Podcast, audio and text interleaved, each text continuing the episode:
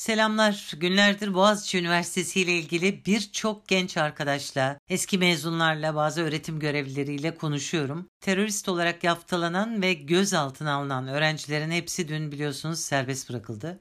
18-20 yaşlarındaki genç insanların, bu öğrencilerin Cumhurbaşkanı tarafından terörist olarak nitelenmesini, İçişleri Bakanlığı'ndan Diyanet Başkanlığı'na kadar tüm yetkililer tarafından hedef tahtası haline getirilmelerini ülkeyi kutuplaştırma ve birbirine kırdırma politikasının ön adımı olarak değerlendirdiğimi söylemiştim. 70'lerde bizim kuşak en büyük, en kanlı öğrenci olayların içinden geçti. Boykotlar, çatışmalar, birçok yaralanma ve ölümü birebir yaşadık. Bizlerin gençliği bir travmalar bütünüdür. O dönemde devreye giren provokatör sayısı inanılmazdı. Hükümetler bu yaşananlardan pek ders almışa benzemiyor. Eğer olaylar içine karışan terörist varsa, provokatör varsa hükümet ne yapıyor? İçişleri Bakanlığı ne yapıyor? Güvenlik güçleri ne yapıyor? Onların işi bunları bulmak, öğrencilerin arasından çıkarmak değil mi? Sabah akşam çoluğu çocuğu terörist olarak yaftalamak, bir gerçek terörü sıradanlaştırmak, normalleştirmek demek. İki asıl teröre davetiye çıkarmak demek.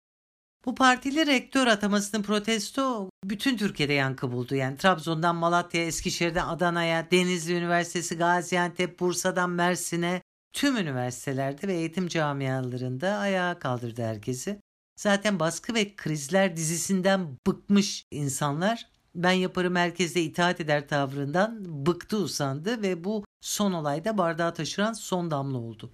Haksızlığa karşı direnmek anayasal bir haktır. Ama Türkiye'nin her kurumu artık paramparçadır ve direnilecek de yüzlerce konu vardır. Onun için başta bir şaşkınlık yaşadık.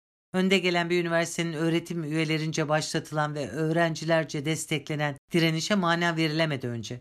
Ekonomik sıkışıklık, kriz ya da eğitim, sağlık, sosyal yaşamdaki inanılmaz kötü yönetime bugüne kadar ses çıkarmayan kitle birdenbire nasıl oldu da dedik üniversite direnişine destek verdi. Allah'tan kendine muhalefet diyen birileri durumu pek sahiplenmedi. Bence çok iyi oldu bu. Öğrenciler için de gayet hayırlı oldu. Çünkü onların direnişi AKP tarafından muhalefete mal edilecekti. İşte ise o olmadı. Şimdi bütün olayın kıvılcımı gibi görünen bu rektör atamasının geçmişine bir bakalım. Atamalar 1980 darbesi sonunda başladı. Ondan evvel üniversite içinde kendi içinde rektörünü seçiyordu. 80 darbesiyle YÖK denen nevdü belirsiz bir yapı ortaya çıktı malum İhsan Doğramacı yapısı. Sanki tüm siyasi kutuplaşma ve kavganın sebebi üniversitelilermiş gibi üniversitelerin bütün özgürlük alanları kısıtlandı, eğitim bir yığın baskıcı kuralın içine hapsedildi, baştan beri bir takım etkiler altında ya da hükümetlere göre renk değiştiren üniversiteler vardı ama iyice 1980'den sonra merkezileşmiş oldu. Biliyorsunuz 80 darbesi için Amerikalar bizim çocukların işidir bu. Onlar yaptılar, işi bitirdiler falan demişti. İşte bu Amerikan darbesi Türkiye'nin tüm kurumları gibi eğitim kurumlarında başına indi. Türkiye'nin en üst düzey üniversiteleri, Boğaziçi Üniversitesi, Yıldız Teknik, Orta Doğu, e, Hacettepe, e, bütün bu üniversiteler diğerleri gibi baskıcı sistemden paylarına düşeni aldılar. Ailemde bu okullarda öğretim görevlisi olan çok sayıda kişi olduğundan süreci ve konuşmaları çok iyi hatırlıyorum. Evlerde buluşmaları, o dönemdeki öğretim üyelerinin. 1980'den sonra eğitimden ziyade üniversite içinde siyaset dedikoduları öne çıktı. Atamalar böyle başlamıştı. 1992'de üniversite kurulları direnmeye başladı ve bu direniş sonucu da bir değişiklik oldu. Nasıl olduysa Kurullar Ankara'ya talepte bulundular. Dediler ki bu sistem biraz olsun değiştirilsin ve üniversite kurulu kendi içinde seçtiği isimleri Ankara'ya iletecek dendi. Bu karar verildi. Ve 6 ismi 6 kişilik bir listeyi Ankara'ya ilettiler üniversite kurulları ve YÖK bu listeden 3 ismi belirliyordu. Cumhurbaşkanına iletiyordu. O da belirlenmiş 3 isimden birini atıyordu. Bu sistem bu şekilde 2016 sonbaharına kadar sürdü. O dönemde Türkiye'de biliyorsunuz parlamento ortadan kaldırıldı ve ilk kez üniversitelerde bu aday liste uygulaması da kalktı. Yani sistem değişti, parlamenter sisteme son verildi ve bu artık son kalmış özgürlük de ortadan kaldırılmış oldu. Üniversite kurulları liste hazırlayamaz oldu. 2016'da Boğaziçi Üniversitesi'nde kurulun belirlediği birinci gelen aday atanmadı ve aday bile olmayan rektör yardımcısı rektör yapıldı. 15 Temmuz'un hemen akabinde ben yaptım oldu tavrı yine Boğaziçi'nde görülmüştü. Direnenler de susturuldu. Zaten darbe girişimi sonrası yapılan değişikliklerle tüm bu gibi sistemler askıya alındı ve Cumhurbaşkanı üniversiteden gelecek olan hiçbir öneriyi dikkate almadan keyfi atamalar yapmaya başladı. Bunu sadece üniversiteyle de sınırlamamak lazım. Her yerde bunu yaptı. Şimdi buraya küçük bir parantez de açacağım. Bu da gerekli. Hani konuşuluyor ya yurt dışında batıda bu iş nasıl yürüyor vesaire diye. Hasbelkader Amerika'da, İngiltere'de ve İtalya'da üniversite camiasında e, bulundum ve gözlemlerim var. Onları aktarayım. Amerika ve Avrupa'da ya da Rusya'da ve Çin'de bilgilerimiz var oradan da. Üniversitelerde özgür seçimden vesaireden bahsedemezsiniz. Ha, orada olmuyor diye burada da olması mı falan öyle bir şey de girmiyorum. Sadece orayı anlatmak istiyorum. İşler atamalarla yürür. Yani sistemler böyledir. Görünüşte danışma kurulları vardır, istişare ederler. Zaman zaman bu istişareler başka ülkelerde işe de yarıyor olabilir. Ama para ve siyaset oralarda da üniversiteye damga vurur. Yani İtalyan mafyasının büyük isimleri en prestijli Berkeley ya da Columbia Üniversitesi'nin akademik kadrosuna yüksek bağışlarla müdahale etmiştir. Bu da basında yer almış haberlerden biridir. Ve tanık olduğumuz buna benzer birçok durumda vardır. Amerikan Milli Güvenlik Konseyi'nde yer alan isimler aynı zamanda üniversite rektörü olurlar veya aynı zamanda ana akım medyanın yönetim kurulu başkanıdırlar. Lee Bollinger gibi mesela. Columbia Üniversitesi rektörü iyi bir örnektir. Yani siyaset ve para belki de en başta eğitimi ve üniversiteleri denetimde tutmayı hedefler. Bilimi kendi çıkarları için kullanan hakim sınıflar kimse için sır değildir. İşte bugünlerde aşı meselelerini filan tartışıyoruz ya. Öğretim üyelerinin çoğunun yabancı düşünce kuruluşlarından fon alarak yaşamını sürdürdüğü de herkesçe bilinen bir gerçek.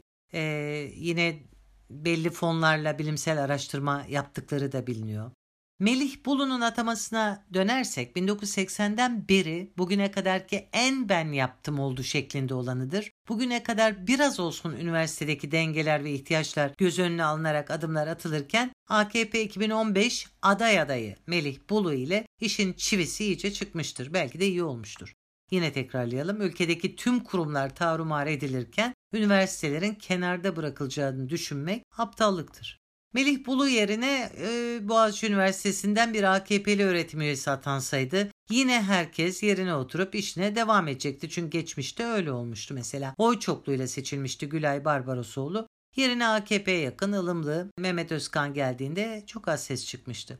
Sistemin çarpıklığına 1980'den ya da 2016'dan beri ağzını açan olmamıştı. O nedenle atamanın duyurulduğu Ocak başında, bu Ocak ayı başında şimdi neden çemkiriyorsunuz ya da bugüne kadar neden sustunuz diye tweet atmıştım. Kısacası hükümette kim varsa onun adamları politikada, iş dünyasında, askeriyede, sanat alanında ve tabii ki üniversitede ön koltuğa oturuyor. Öğretim üyesi ya da öğrenci köprüyü geçene kadar ayıya dayı diyerek idare ediyor. Çünkü öğretim üyelerinin belli bir seviyeye kadar hiçbir güvencesi yok. Öğrenci ise üniversite şartları içinde öğütülebilir madde. Böyle görülüyor. Sonuç olarak deveye boynun eğri diyoruz o da nerem doğru gidiyor. Öyle ya da böyle bizim bu olayda odak noktamız öğrencilerdir. Bu olayla 18-20 yaşlarındaki öğrenciler AKP dışı herhangi bir iktidarı doğduklarından beri görmemiş olan bu çocuklar bir haksızlığa direnmişlerdir. Anayasal hak kullanmışlardır. Bu deney bile paha biçilmezdir. Onlar en azından anayasal haklarını kullanma bilinciyle hareket edebilmişlerdir. Bugüne kadar eğitim camiasında ya da haksızlık gördükleri alanlarda hiçbir eğriliğe, baskıya, kıyıma ses çıkarmamış olanların da kendilerini bir öz eleştiriye tabi tutmaları faydalı olur sanırım.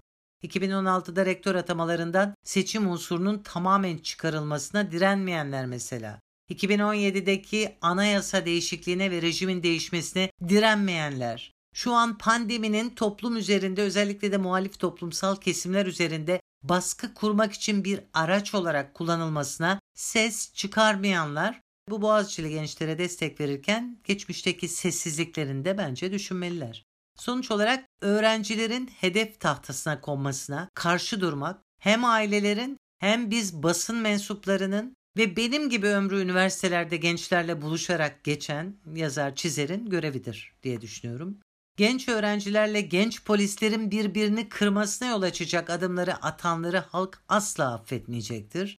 Gençlerin görevi de aralarına girecek ya da kulaklarına fısıldanacak aykırı seslerden kendilerini korumalarıdır. Cumhur İttifakı'nın giderek erimesi, güç kaybetmesi nedeniyle girebileceği çatışma körükleyici tavra karşı durmak da hepimizin görevidir ve çok önemli bir görevdir. Şimdi bu cumartesi günü yani 6 Şubat cumartesi günü saat 17'de akşamüstü 5'te çeşitli üniversitelerden genç arkadaşlarla buluşacağız. Herkese açık bir YouTube yayını olacak bu. Banu Avar resmi YouTube kanalından bu yayın yapılacak. E buradan duyurmuş olalım. İlgilenenleri bekleriz.